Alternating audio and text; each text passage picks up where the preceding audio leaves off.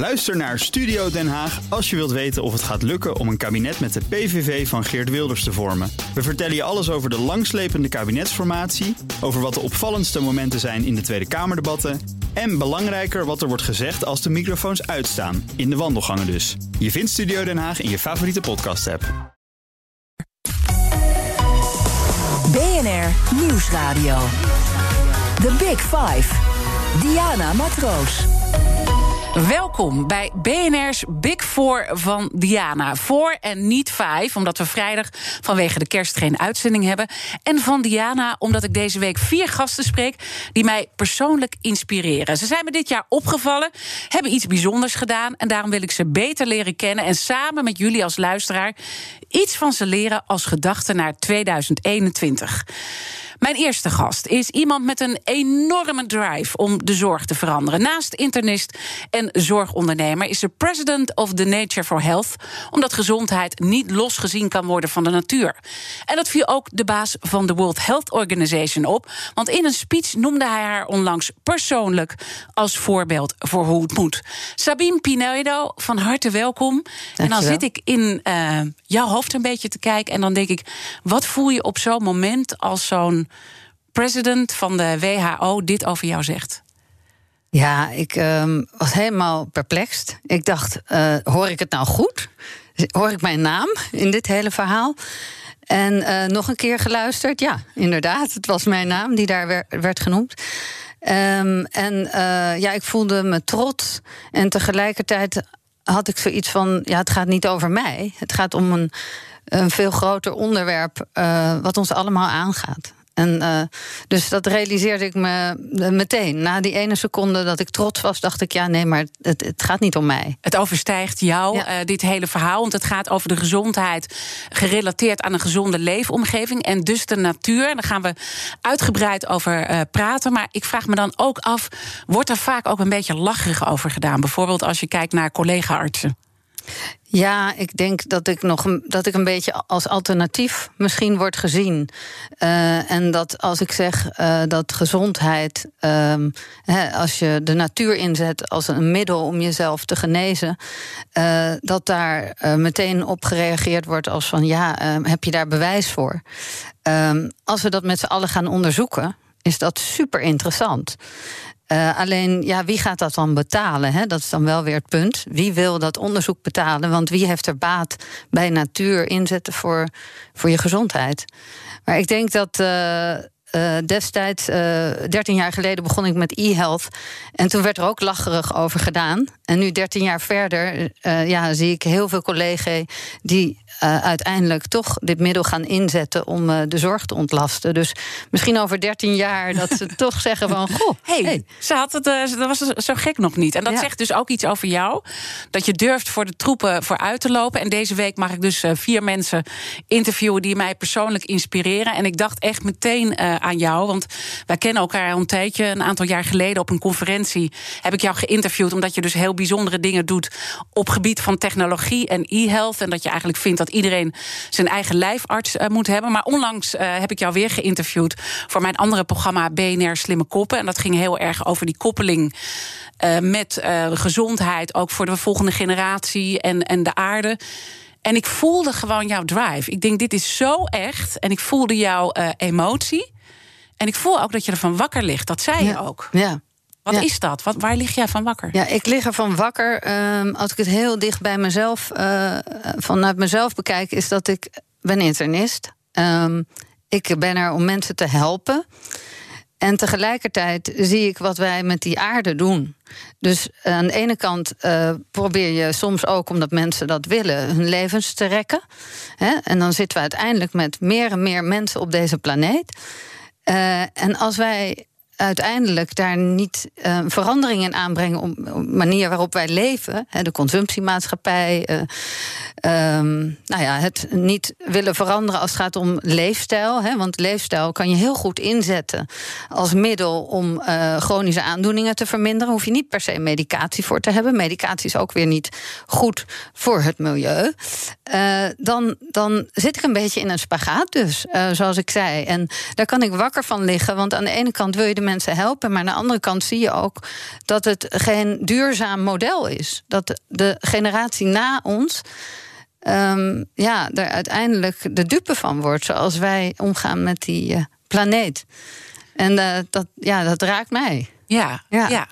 En ik voel het nu weer, terwijl, terwijl je het zegt. En ik zie het uh, ook aan je.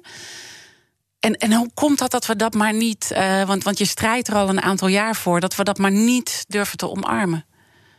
Um, ja, ik denk dat het ook weer gedragsverandering is. Uh, gedragsverandering heeft echt tijd nodig en dat moet stapje voor stapje. Um, en um, ja, misschien dat we dat geleidelijk gaan inzien en een beweging in gang kunnen zetten met elkaar. Uh, want we doen het met z'n allen dan voor de planeet en ook voor de generaties na ons. En ik denk niet dat er mensen zullen zijn die, als ze het inzicht ineens zien, als ineens het kwartje valt, dat die dan zullen zeggen van, nou wat is dit voor een idiote beweging? Weet je, iedereen, iedereen het is gewoon mooi om dat, uh, om dat in te zien en om dat te gaan doen. Uh, met elkaar. En um, ik, ik denk dat die beweging wel komt. Ik, ik wil corona niet als uh, wake-up call gebruiken, maar ik, ik denk wel dat het belangrijk is om, om te zien uh, dat ja, hoe het nu gaat, dat dat, uh, dat dat ook niet meer kan.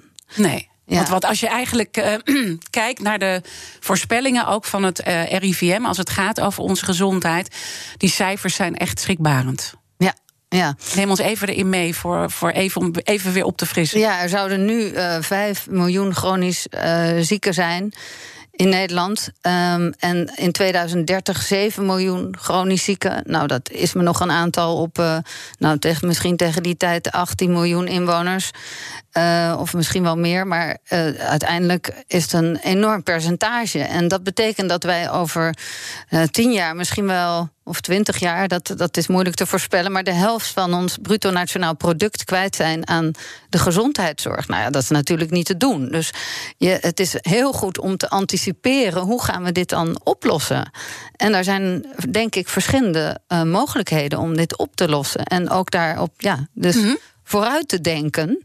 En, en dat is dan ook die aarde. Maar even nog één stap terug. Uh, eigenlijk als je kijkt naar die uh, chronisch zieken... als je dan naar die, die ziektes kijkt die daaronder uh, onder liggen...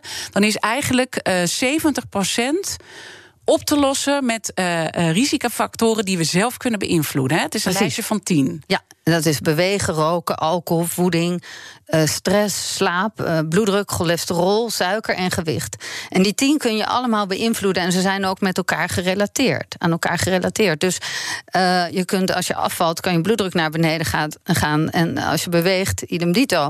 en je suikerwaarde eveneens. Dus, en er is eigenlijk ook geen middel uh, geen medicament wat het zo goed doet. En dan heb ik het over leefstijl. Die deze dus uh, bloeddruk, suiker en uh, cholesterol naar beneden brengt. als je je leefstijl aanpast.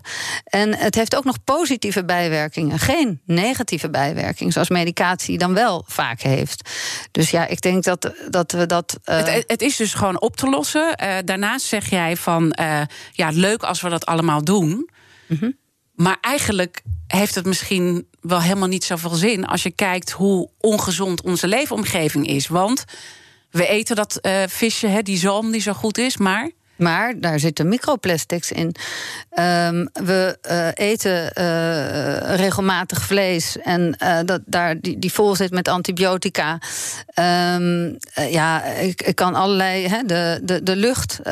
je kan gaan joggen in het Amsterdamse bos, om maar een voorbeeld te noemen. En, en fijnstof inademen. En ja, al die zaken die maken dat ik zeg van waarom zouden we die leefomgeving niet meenemen in um, het plaatje gezondheid? En waarom gaan we, ja, gaan we daar ook niet op acteren? Ook als overheid. Hoe acteren dan?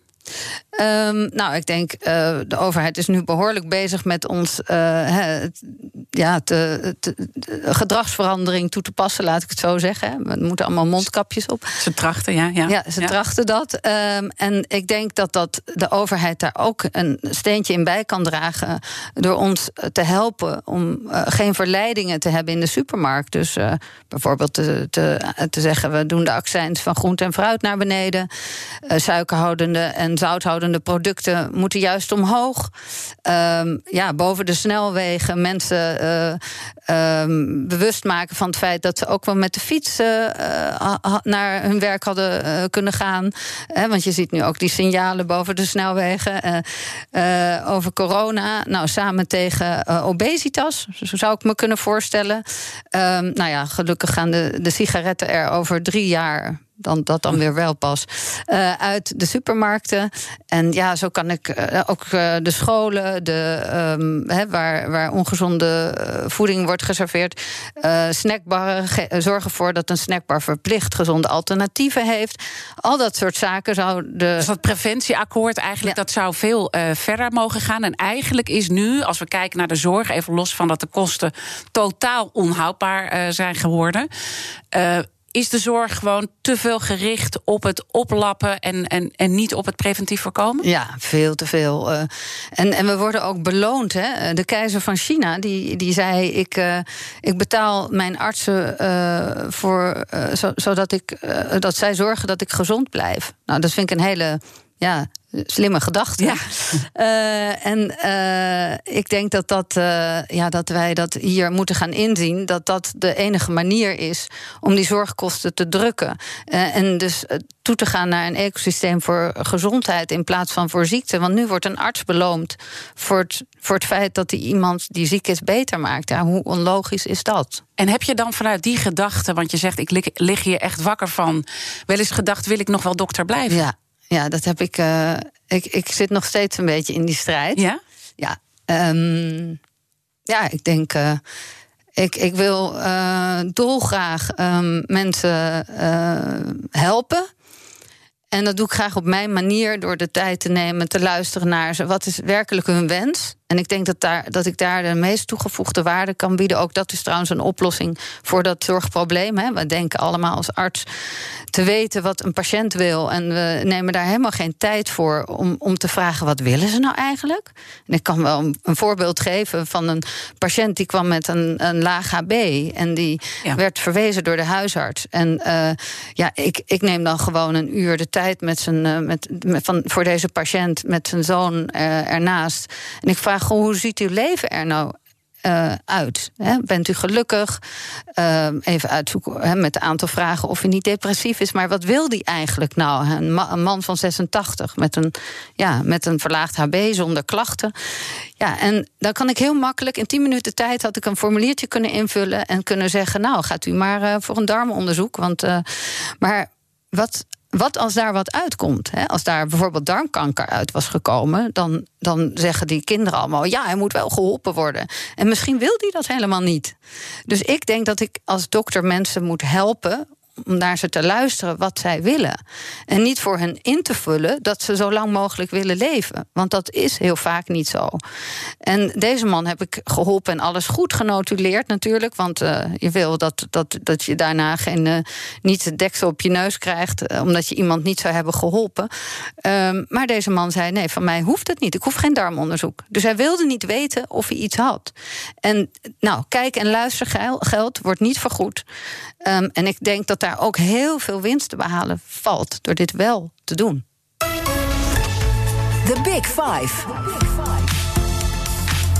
Diana Matroos. Deze week, in de week uh, voor kerst, de Big Four van Diana... waar ik vier mensen interview die mij persoonlijk inspireren. Ook omdat er bijvoorbeeld dit jaar iets bijzonders gebeurde met ze. Morgen is dat rapper en activist Aquasi. Die staat voor een beweging in Nederland... die we echt beter moeten leren begrijpen. Woensdag Helene de Puy, medisch ethica. Die vindt dat ouderen in coronatijd een stap opzij moeten doen... om de economie en jongeren de ruimte te geven. Ze is zelf 75, bijzonder dat zij dat zegt. En donderdag is Fleur Raven Ravensbergen mijn gast.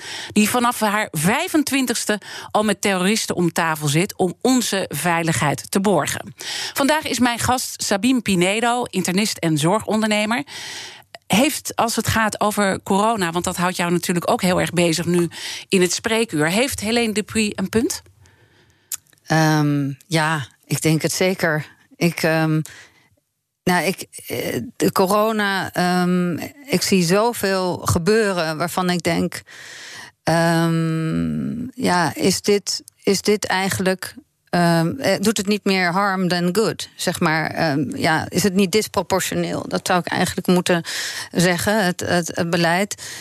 Ik zie heel veel angst van patiënten. Als je het hebt over de spreekkamer, ik zie heel veel mensen die niet weten om te gaan, die hun kleinkinderen niet meer zien, die alleen thuis zitten, uh, kankerpatiënten die hun, hun partner alleen maar uh, bij zich mogen hebben en hun kinderen niet.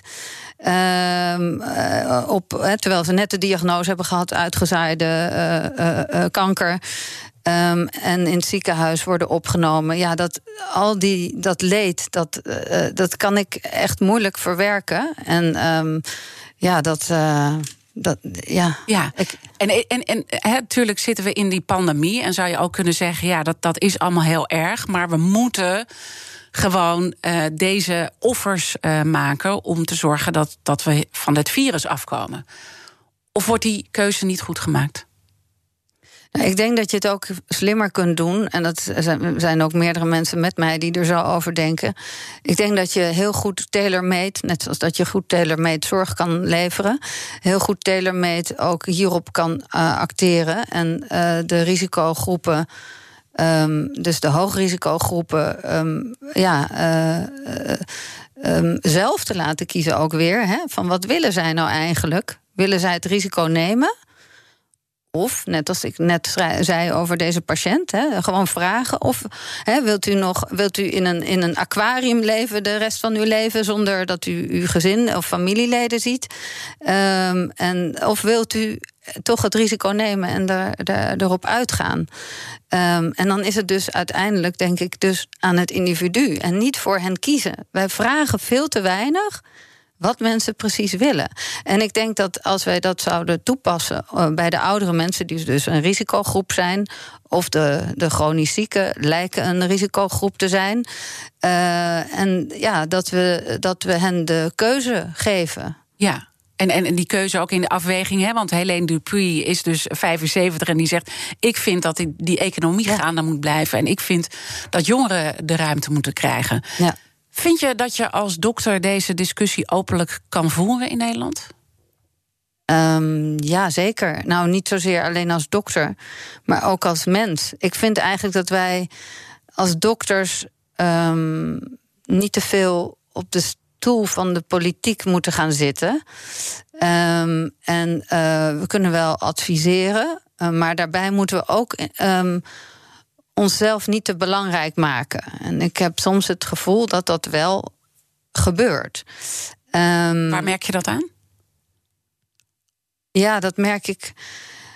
Eh, nou, ik lees natuurlijk kranten. uh, kijk naar de televisie. En um, ik zie eigenlijk uh, dat Um, ja, dat, dat, dat sommige collega's ook in een soort van ja, bubbel leven. Die kijken alleen maar naar wat er op de werkvloer gebeurt. Maar daarbuiten is zoveel ellende. En dat lijkt alsof dat niet gezien wordt. En uh, dan kan je jezelf dus heel belangrijk maken. En dat doen ze denk ik niet uh, met opzet. Maar dat is een soort van proces, denk ik, waar je in terechtkomt sinds uh, maart. Uh, of eh, ja, maart. maart ja. Uh, en dat, dat ontwikkelt zich geleidelijk. En ik denk dat ze dat zelf niet meer zien. Maar als ze buiten de muren van het ziekenhuis kijken, dan gebeurt er zoveel ellende. En ik zou heel graag willen dat ze dat ook zien. Ja. Dat niet allemaal om hen draait van wij hebben het druk. Ik snap dat het druk is. En twee jaar geleden hadden we, hadden we een, uh, griepepidemie. En toen was het ook ontzettend druk. Hè. Je ziet er toen ook kranten op internet, kan je nog artikelen van lezen. Toen was het echt ook keuzes maken aan de voordeur, die wel, die niet, als ik die kranten dan mag geloven. Dus dat, ja, dat hadden we toen ook. En toen, ja, toen trokken we niet zeg maar alle aandacht naar ons toe. En dat holistische plaatje van gezondheid, dat zou ik ook graag gunnen dat zij dat Ja, als. dat is eh, eigenlijk dezelfde boodschap die ja. eerder in een ander verband. Kijk wat meer holistisch en naar het eh, totaal. Want nu eh, komen er ook mentale problemen. Hè? Dat hoor je Ja. ook wel eh, critici zeggen. Er komen mentale problemen aan. Allerlei uitgestelde zorg op andere vlakken die we niet meer kunnen doen. Dus dat is weer een punt wat jij ehm, ook daarbij aanhaalt. Je stelt kritische vragen, daar ook als dokter bij. En dan toch nog een keer de vraag van... vind je nou dat die discussie openlijk gevoerd kan worden? En dat zeg ik ook omdat ik laatst een LinkedIn-post van jou zag. Ja, ja ik, ik hoop zo dat we die discussie openlijk mogen voeren. Alleen eh, inderdaad, ik had een LinkedIn-post eh, eh, gedaan. En dat ging eigenlijk ehm, ja, over kritische collega's die het hadden over de ehm, eh, PCR-test en de kwaliteit daarvan. En eh, ja, ik, ik had. eh, zelf dacht ik, op een of andere manier zou deze post niet straks verwijderd worden. Dus ik had er een foto van gemaakt. Ehm, en eh, nou, En waarom had je dat gevoel? ja, omdat ik hoorde van verschillende mensen dat dit hen was overkomen. En het is best een kritische vraag die je daar stelt. Want ons hele beleid, hè, onze routeplanning, is gebaseerd op de test. Ja. Ehm, en eh, als je daar, als dat op zijn grondvesten eh, gaat schudden, dan ja, eh, dan, ja, wat er dan gebeurt, weet ik niet. Ehm, maar mag je die vraag dan wel stellen? Dacht ik van ja, ik weet niet of, of dit nou, eh, of, dit, of ik hier buiten mijn boekje ga. Maar toch denk ik, we leven in een democratie. Die vraag mag ik gewoon stellen. Waarom wordt er niet geluisterd naar deze kritische eh, medisch microbiologen, klinisch chemici en Ja, het zijn nou, niet zomaar mensen. Niet zomaar mensen.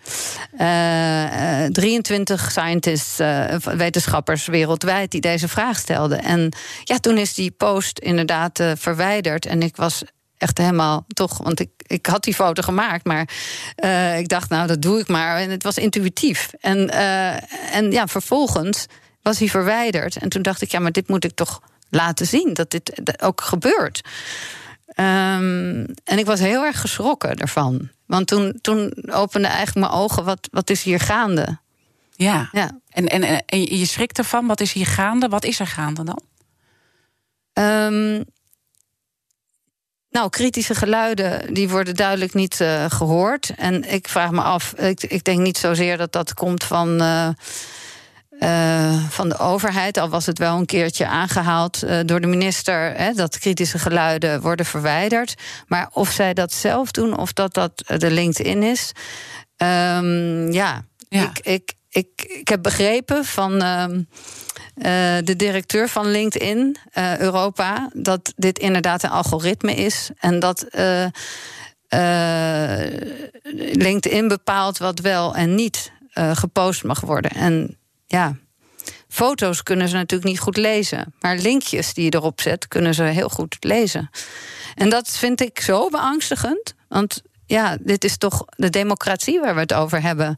En dat is vrijheid is uiteindelijk en gezondheid is ons grootste goed. Dus En, en, en deze vraag stellen is ook nogal cruciaal. Want als die eh, PCR-testen toch eh, eh, te veel afwijkingen vertonen, waar vervolgens ons hele beleid op is gericht en de hele economie voor, voor wordt platgelegd en allerlei mentale problemen ontstaan, dan is dat toch een hele cruciale vraag die gesteld moet worden. Ja, zeker. En ja, waarom dat niet zou mogen, dat is mij nog een beetje een, eh, een raadsel. Ehm, ja, dat. eh, ik, weet het niet. Nee. Ik word er weer zenuwachtig van, merk ik, als ik het erover heb. Ja. Ja, want je wil gewoon als dokter wil je ook, hè, dat, dat zit ook in je vak. Je wil de goede afwegingen eh, maken. En Dat we allemaal de goede afweging maken Ja. voor onze gezondheid. Overigens ook belangrijk om over die PCR-testen dan ook eh, te melden dat ook de WHO intussen kritischer is geworden. Precies. Ja, die hebben dit ook aangegeven dat die testen eh, door de manier waarop die gedaan wordt, hè, dat cycling, dat, eh, dat mag niet meer, mag niet meer dan. eh 25 keer, of 35 keer het maximum cyclen van, eh, van het materiaal wat je hebt afgenomen. En dat, en dat eh, werd zelfs tot 50 keer gedaan, waardoor die test veel fout positieve testuitslagen kan geven. En dat is gek genoeg in, uh, ja, in uh, september is dat aangepast door het RIVM.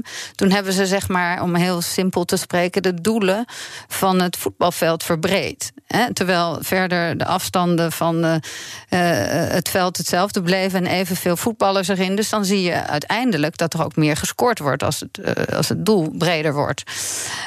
en ja, daar. Uh, dat, dat, die begrijp ik niet waarom dat is gebeurd. En nu komt de WHO die zegt inderdaad, ja, dat, uh, dat kan niet dat, we dat, dat dat toen gedaan is. Dat moet weer nou, terug. terug. In ieder geval wijzen ze de, de, de laboratoria erop dat het hun verantwoordelijkheid is om die test uh, goed te doen. En ja, dat wordt dan nu weer teruggedraaid, vermoed ik. hoop ik alleen dat er geen relatie wordt gelegd met vaccin. Dat dat uiteindelijk dus dan de, eh, de oorzaak zou zijn dat het aantal positieve testuitslagen naar beneden gaat. Want je moet nooit, denk ik, ook als ik twee middelen geef aan een patiënt, hè, uh, uh, die bloeddruk verlaag, ik doe altijd één voor één, zodat je weet welk effect een uh, behandeling uh, heeft. Niet twee tegelijk, twee pillen tegelijk. Want dan, dan weet je niet, ook niet als er bijwerkingen ontstaan, welke pil wat is. Dus ik denk dat je de stappen uh, op het juiste moment moet aanpassen. En niet twee dingen tegelijk doen. En een vaccin introduceren en het terug, terugdraaien van het aantal cycli. Want dan ga je ook weer appels met peren vergelijken. Nou, dan, dan, dan weet je uiteindelijk niet, als het aantal positieve testuitslagen naar beneden gaat. Welke van de twee uh, heeft dat gedaan? Is dat het terugdraaien van het aantal cycli of is het het vaccin? En dat, dat zou ik graag. Uh, en daarom vroeg ik ook op mijn LinkedIn-account: kunnen we dit verder onderzoeken? Ja. Of, die, of deze test wel klopt. We gaan uh, straks daarover verder praten. Mijn gast is internist Sabine Pinedo. Iemand die altijd voor haar patiënten wil zorgen en de zorg laagdrempelig wil maken. En haar ervaringen uit de periode dat ze zelf kanker kreeg, zijn daar ook cruciaal bij. Tot zo. BNR Nieuwsradio. The Big Five. Diana Matroos. Welkom bij het tweede halfuur van BNR's Big Five. Overigens deze week de Big Four van Diana. We hebben er vier dagen vanwege kerst. En vier gasten die mij persoonlijk inspireren... en iets bijzonders deden dit jaar. En mijn eerste gast deze week is Sabine Pinedo, internist en zorgondernemer. Ze heeft een enorme drive om een gezonde beweging op gang te brengen in Nederland, maar ook internationaal. En doet altijd alles om de puzzel rond een uh, patiënt uh, op te lossen. We hadden in het begin hebben gesproken over die uh, gezonde leefomgeving. Hè, dat je eigenlijk mm -hmm. zegt, ja, we kunnen als patiënt wel, uh, of gewoon als mens, gezonder gaan leven. Maar als die vis niet gezond is die we eten en, en, en hè, de, de, de, de lucht niet gezond is waarin we leven, wat heeft dat dan allemaal uh, voor zin? En ja, precies. Dat houdt jou enorm bezig. Dus daar, daar spraken we het, het eerste deel over. En toen stipten we ook een beetje aan dat eigenlijk de zorg meer gericht is op het oplappen in plaats van preventie. Merk je dat ook aan de data die er zijn in de medische zorg? Dat daar uh, veel meer gestuurd wordt op uh, de medicatie en welke effecten de behandelingen hebben. En niet zozeer al die andere data. ja, Um, er waren maar weinig studies over preventie. En er zijn natuurlijk ontzettend veel studies over medicamenten. En wat zij goed doen vaak gaat het daarover. Um, en ik denk, uh, toevallig was er recent een, uh, in de Lancet een, een studie waaruit naar voren kwam wat je met preventie kunt doen en hoeveel je kunt besparen. En nu even uit mijn hoofd zeg ik dat 15% van de zorgkosten bespaard zouden kunnen worden als we zouden focussen op verschillende beïnvloedbare risicofactoren. En uh, nou, op uh, 100 miljard is dat 15 miljard. Nou, is best uh, de moeite waard, zou ik zeggen. Ja. Um, dus ik, ik, ik was heel blij met dit artikel. Want dat geeft toch even die, die andere kant. En dan vind ik het toch mooi om een vraag aan te halen die je zelf ook op LinkedIn hebt gepost. Iemand die je bij een bijeenkomst tegenkwam. En die stelde de volgende vraag: Zou het ooit zo zijn dat de stakeholders die nu geld verdienen aan ziekte, inzien dat geld verdienen aan de gezondheid van anderen een veel mooier en duurzamer model is? Ja, ja, dat, uh, ja, uh, ja, dat was een uh, heel mooi moment. Um, en ze zei het inderdaad ook zo hoopvol, hoopvol dat ik dacht nou, het gaat er komen. En uh, die, ja, daar wil ik onderdeel van uitmaken. En dat wil ik uh, met andere gelijkgestemden in gang zetten. Het zal misschien zo zijn dat uiteindelijk die stakeholders die nu er profijt van hebben, niet degene zijn die er straks voor profijt van hebben. Hè? En daarom. Um, zie ik ook uh, de beweging die ik in gang wil brengen naar een ecosysteem voor gezondheid ook heel graag samen met partijen die er zelf ook baat bij hebben ja, bijvoorbeeld, ik noem maar wat, een, een, een Nike of een Adidas. Of uh, partijen uh, die groot zijn, uh, die invloed kunnen uitoefenen en die er baat bij hebben. En het liefst dus wel op een ecologisch veranderd worden wijze. En ook rekening houdend met de arbeidsomstandigheden van de mensen die die schoenen maken. Hè, dat dan weer wel. Ehm, om, om uiteindelijk hen te betrekken bij deze beweging. Want pas dan kan je impact maken. Ik, kan het, ik kan dit bedenken en we hebben dat, uh, dat, uh, um, ja, dat concept uh, bedacht. en, maar dat wie zijn wij nou, denk ik dan? Hè? Wij moeten dit... Nou, jullie zijn niet zomaar iemand. Want je bent dus uh, president van die Nature for Health... die zelfs door de baas van de WHO onlangs persoonlijk is benoemd... in zijn speech als een voorbeeld. Dus dan heb je al impact, uh, zou ik zeggen. Maar ik snap ook je, je punt wat je maakt. want die farmacie is natuurlijk ongelooflijk machtig. Ja. Dus je hebt hele machtige andere spelers ja. nodig ja. om dat te doorbreken. Ja, ja die, en die farmacie, um, ik noem het toch denk ik maar even... maar ik hoorde laatst van iemand die uh, mij heer, zeer uh, dierbaar is... Um, ik noem maar even geen namen, maar die had uh, uh, contact met de CEO uh, van een grote farmabedrijf. En uh, die kreeg uh, een les van deze uh, persoon die ik goed ken. Um, en die CEO, een Amerikaanse, zei: um, We can make doctors dance. Wauw. En nou, dat zegt genoeg. Daar, ik merk dat ik daar helemaal zenuwachtig van word. En daarom vraag ik mezelf ook af: wil ik nog wel dokter zijn? Jeetje. Ja, want, want, want neem me mee in dat gevoel. Wat, wat, wat, wat, wat, wat, wat denk je dan allemaal? Ja, ik denk, we hebben allemaal geleerd in de, in de, in de schoolbanken, in de, in, de, in de collegebanken, wat goed is. Maar we noemen het de studie medicijnen. En geen geneeskunde meer. En um, nou, dat, in Amerika heet het medicine. I study medicine. En ja, dat vind ik toch. Ja, dan denk ik. Is het ik had een heel ander beeld bij wat uh, dokter zijn is.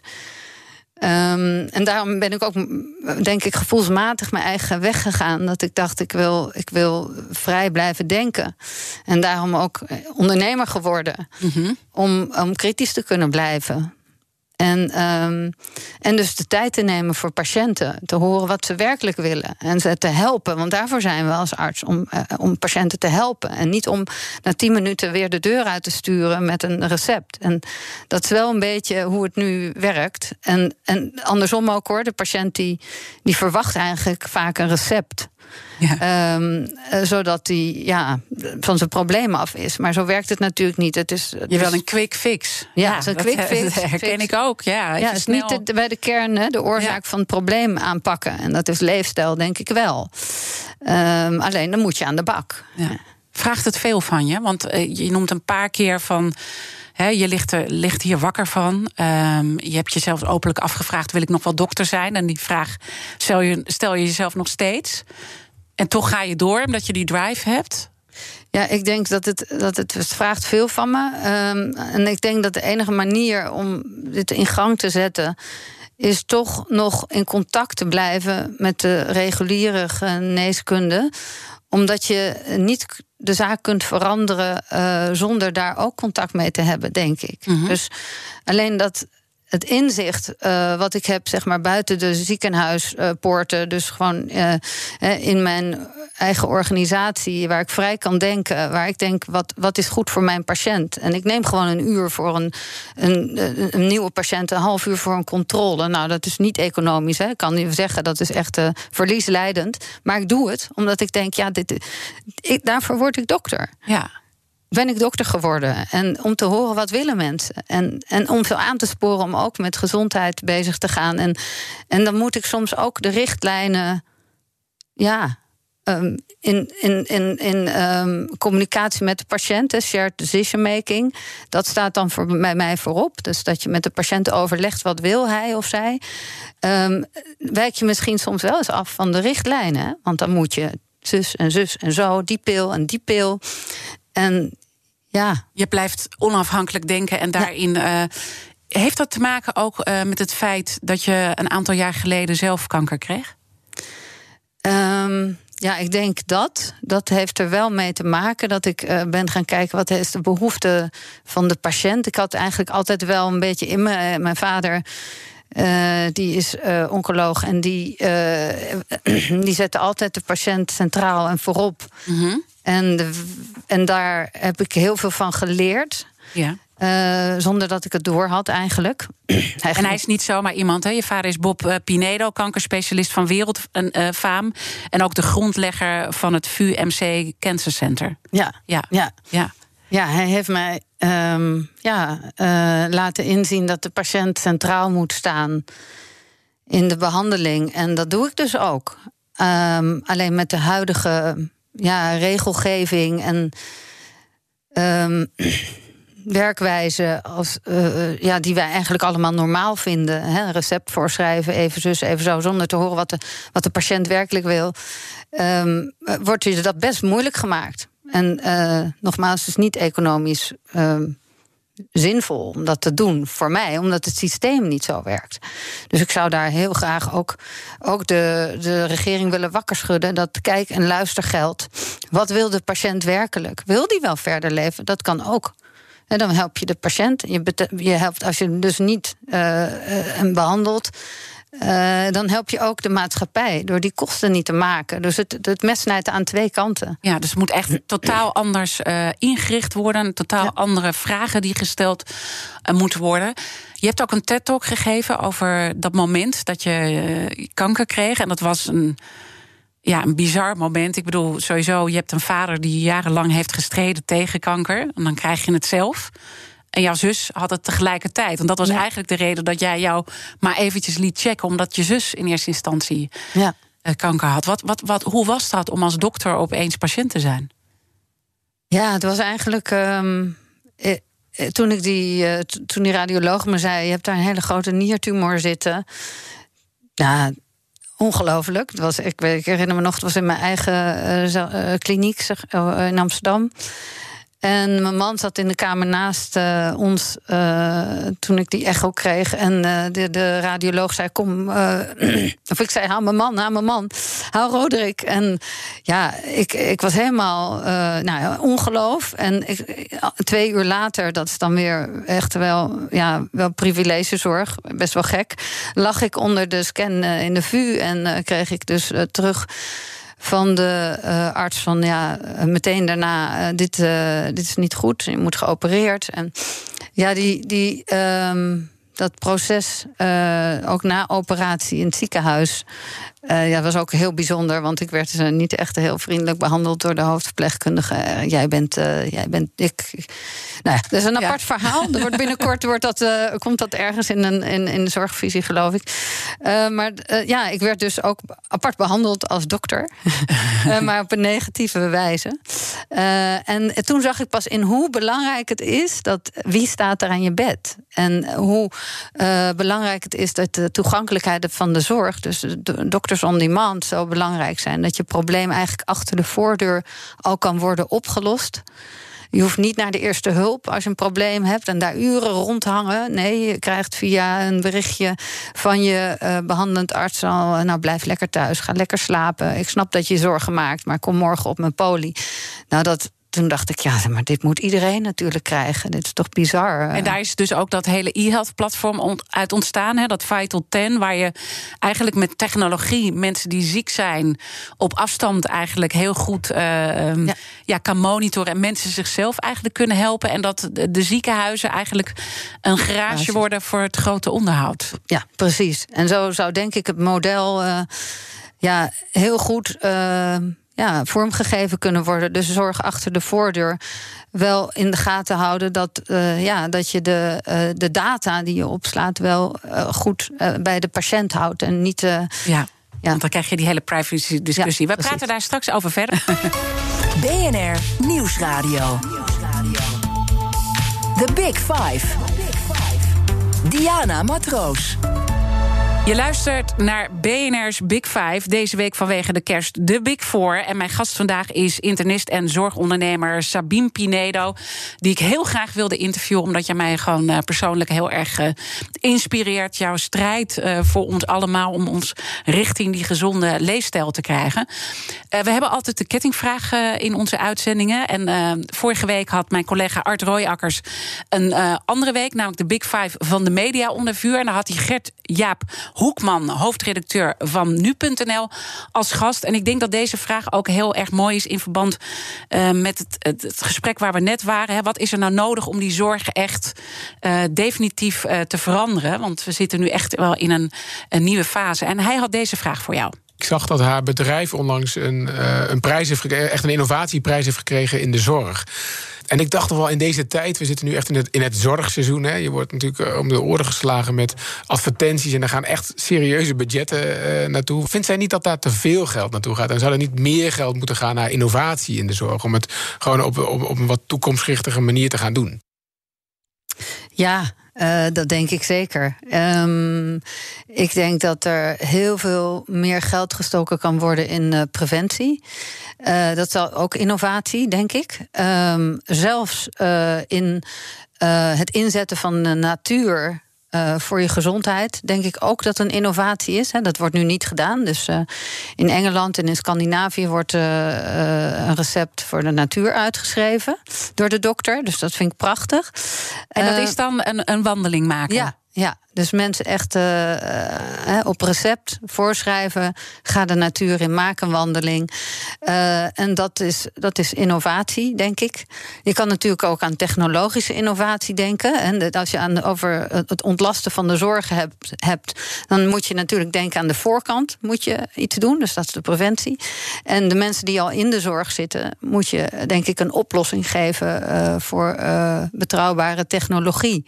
Die, mensen die kun, mensen kunt aanbieden. Waarbij mensen dus achter de voordeur zelf hun metingen kunnen doen. En als er werkelijk iets mis is met de uitslag, kan je veilig met elkaar communiceren. En uh, uh, ja, uiteindelijk uh, zorgen dat die mensen niet naar het ziekenhuis gaan of naar de huisarts. Mm -hmm. En pas de patiënt zien op het moment dat het echt nodig is. Hè? Want nu heb je ontzettend veel handshake consult. Voor de corona had je die bedoel ik. Nu valt dat wel mee, denk ik. Maar dat zijn de handshake consult zijn consulten die je doet als dokter. Gewoon omdat het drie maanden verder is en vraagt hoe het gaat. En oh, het gaat wel oké. Okay. En dat in tien minuten. Nou, dan uh, wilt u nog een recept en dan schrijf je die voor en dan is de patiënt weer uh, weg. Uh, en ja, je had je tijd natuurlijk veel beter kunnen besteden aan, aan een oudere patiënt met vragen stellen wat ze werkelijk precies willen. En als je dus die technologie hebt die mensen kan monitoren, dan hoef je al die vragen niet meer te stellen. Want dan nee. zie je vanzelf. Precies. moet ik nu iemand eruit trekken? Hè, want ik zie aan alle signalen, dit gaat niet goed. En dan heb je dat gesprek. Dus daar is dat Vital 10, dat ja. e-health platform van jou en jouw man, die trouwens ook ja. arts is, uh, ja. uh, opgericht. Uh, toch, als je dus dit echt wil disrupten en uh, eigenlijk de zorg opnieuw wil gaan inrichten, moeten we dan niet ook af van die marktwerking in de zorg? Ja, um, ik denk dat er aan de ene kant. Kijk, ik, ik zie het nut niet zo in van ja, zoveel verschillende zorgverzekeraars. Hè. Er wordt er inderdaad veel uh, reclame gemaakt en. Uh, uh, en dan gaan miljoenen. Overstapcampagnes. Precies, overstapcampagnes. Ja. en er wordt. ik denk dat er ook behoorlijk wat acquisitie gedaan wordt. Er geld van de zorgverzekeraar besteed wordt. Uh, aan, aan zaken die niks met uh, uh, ja, het beter maken van patiënten te maken heeft. En ik denk dat het daar wel anders zou moeten. Ik vraag me af of het ook anders zou moeten aan de, uh, aan de zorgkant. Dus de zorgverzekeraarskant zeg ik ja. Aan de zorgkant denk ik dat het altijd goed is om uh, ja, uh, met elkaar of, nou, te concurreren. Uiteindelijk wil je dat je met elkaar samenwerkt, maar wel alert blijft als ziekenhuis. Goh, wat doen zij in dat ziekenhuis? Of waar zijn ze daarmee bezig? Zodat er altijd vooruitgang geboekt wordt. Want anders zeggen we, nou, het gaat toch wel prima zo. Ja. En als er geen, als Dus je je niet geprikkeld wel, wordt. eh, laten we teruggaan naar het ziekenfondsmodel. Hè? ja, ziekenfonds en particulier. Dat maar lijkt zorg wel dat die ehm, ziekenhuizen wel moeten concurreren met elkaar, want daardoor ontstaat ook die innovatie. Ja, tenzij de overheid eh, wil helpen in die o- innovatie, om die innovatieslag te maken. Maar ik denk dat dat te- wel wat te veel gevraagd is. Ik denk dat het echt een innerlijke drive moet zijn van, van mensen die zin, zien dat het eh, anders eh, Mhm. moet. Eh, je hebt net een vraag beantwoord van de gast eh, van vorige week. Maar die kettingvraag gaat natuurlijk door. Morgen dan praat ik met eh, rapper en activist Aquasi. Hij kwam dit jaar veel in het nieuws. We weten natuurlijk het Dam-incident. Maar veel interessanter is eigenlijk ook om met hem te praten. Die hele beweging die hij heeft opgezet. Omroep Zwart heeft hij opgericht. En dat staat echt voor een bredere beweging in Nederland. En ik wil morgen ook met hem gaan praten. Waar staat die beweging voor? En waar komt het vandaan? Maar welke vraag zou jij hem willen stellen? Ja, ik, hij heeft de mensen laten inzien dat bepaalde tradities en gebruiken zouden moeten veranderen.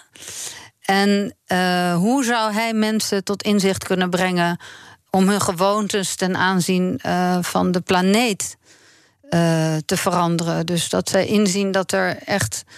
Dat we minder moeten consumeren, dat we eh, zelf aan de slag moeten met onze gezondheid en niet eh, om, om een pil vragen. eh, want dat, die pil komt natuurlijk, eh, je plast ook weer resten daarvan uit. Hè, dat komt in ons oppervlaktewater. Dus op die manier beïnvloed je ook weer onze leefomgeving. Eh, en dat doe je niet als je gaat joggen in het, eh, in het bos.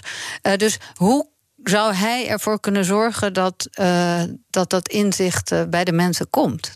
Mooi, mooie vraag. Omdat hij echt ook dat inzicht op andere punten voor, voor Precies. elkaar heeft eh, Ja.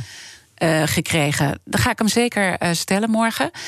Jij hebt het inzicht volgens mij gekregen door jouw zoon. Om veel Ja. meer die gezonde leefomgeving mee te nemen in het hele artsmodel. Ja, ja hij, hij, hij zei, eh, en we hebben behoorlijk wat artsen in de familie, zijn eh, opa's en oma's en eh, beide ouders zijn eh, arts. Ehm, en hij zei, ja, ik zet de familietraditie niet voort. Ik wil geen dokter worden. Ik, eh, het is, hij vindt het mooi wat artsen doen, mensen beter maken. Maar hij vraagt zich dus af waarom voorkomen artsen geen ziekte? En eh, waarom neem je de leefomgeving niet mee? eh, in het, het, het concept gezondheid. Eh, en hij denkt, ja, hij, gaf aan. ehm, we denken als mens dat de aarde een onuitputtelijke bron van leven is. En dat is niet zo. En daarom ging hij Future Planet Studies studeren. Mooi. Ja. En ik, ik, ik zie je, ja, eh, ik zie jou natuurlijk. En ik zie die trots ook dat hij dat heeft eh, gedaan. En ik voel de emotie. Ja, ja ik, vind het, eh, ik vind het ook wel zwaar voor hem. Want eh, al- mijn kinderen die zijn een beetje hè, de wereldproblemen op de schouders dragen. Of, of onrecht. Is ook wel, als er onrecht wordt aangedaan, dan ja, is dat. eh, ehm, dan, dan, dan, ja, dan raakt dat ons. En, ehm, en ik zie dat ook in hem. Dus eh, dat, ik ben trots. En tegelijkertijd denk ik, oh, als hij, de, als hij maar niet eh, eh, alles op zijn schouders gaat dragen. Wat je eigenlijk zelf Wat wel zelf doet. doe. Ja. En, en we hebben eerder gesproken over jouw vader, hè, Bob Pinedo, die natuurlijk ongelooflijk belangrijk is geweest in de oncologie. Een man van wereldfaam. Praat je daar met hem over? Ja, zeker. Ehm, volgens mij is hij wel trots op mij. Ehm, en eh, hij, ziet, hij ziet dat ik dezelfde drive heb, denk ik, als die hij heeft. Alleen op een heel ander vlak. Maar hij is nu op Curaçao bezig met een eh, eh, preventieproject. Omdat daar preventie helemaal nog niet in de kinderschoenen staat. Dus hij, we zijn eigenlijk met elkaar bezig. Hij daar en, en ik hier. Dus we hebben daar elkaar ook gevonden. Wat mooi. Wat mooi. Want hij heeft natuurlijk vroeger heel veel tijd in jouw jeugd aan patiënten besteed. En Ja. daar hebben jullie ook wel eh, als eh, zussen eh, opmerkelijke uitspraken over gedaan. Dat jullie hem wel heel erg hebben gemist in die tijd. Maar nu vinden jullie elkaar weer. Ja, ja zeker. Ja, dat is. ja, en je wordt ook ouder, hè? En dan ga je dingen anders zien. Je wordt zelf moeder. en ja, je snapt het beter. Ja, dat, Ja. Dat, dat je dus al die aandacht geeft. Want dat ben jij nu ook aan het doen. En Ja. dan denk je, oh, als mijn zoon ook alles op zijn schouders... Precies. is dat best wel zwaar. We gaan natuurlijk allemaal weer een jaar afronden. Eh, we gaan naar 2021. We hebben nu even die dokter in huis. Wat, wat zou je ons willen meegeven? Een soort laatste oproep, uh, of niet de laatste, want je blijft oproepen doen, maar in deze uitzending, wat wil je ons echt meegeven voor 2021? Ja, ik zou willen meegeven dat um, het zo ontzettend belangrijk is voor onze nazaten.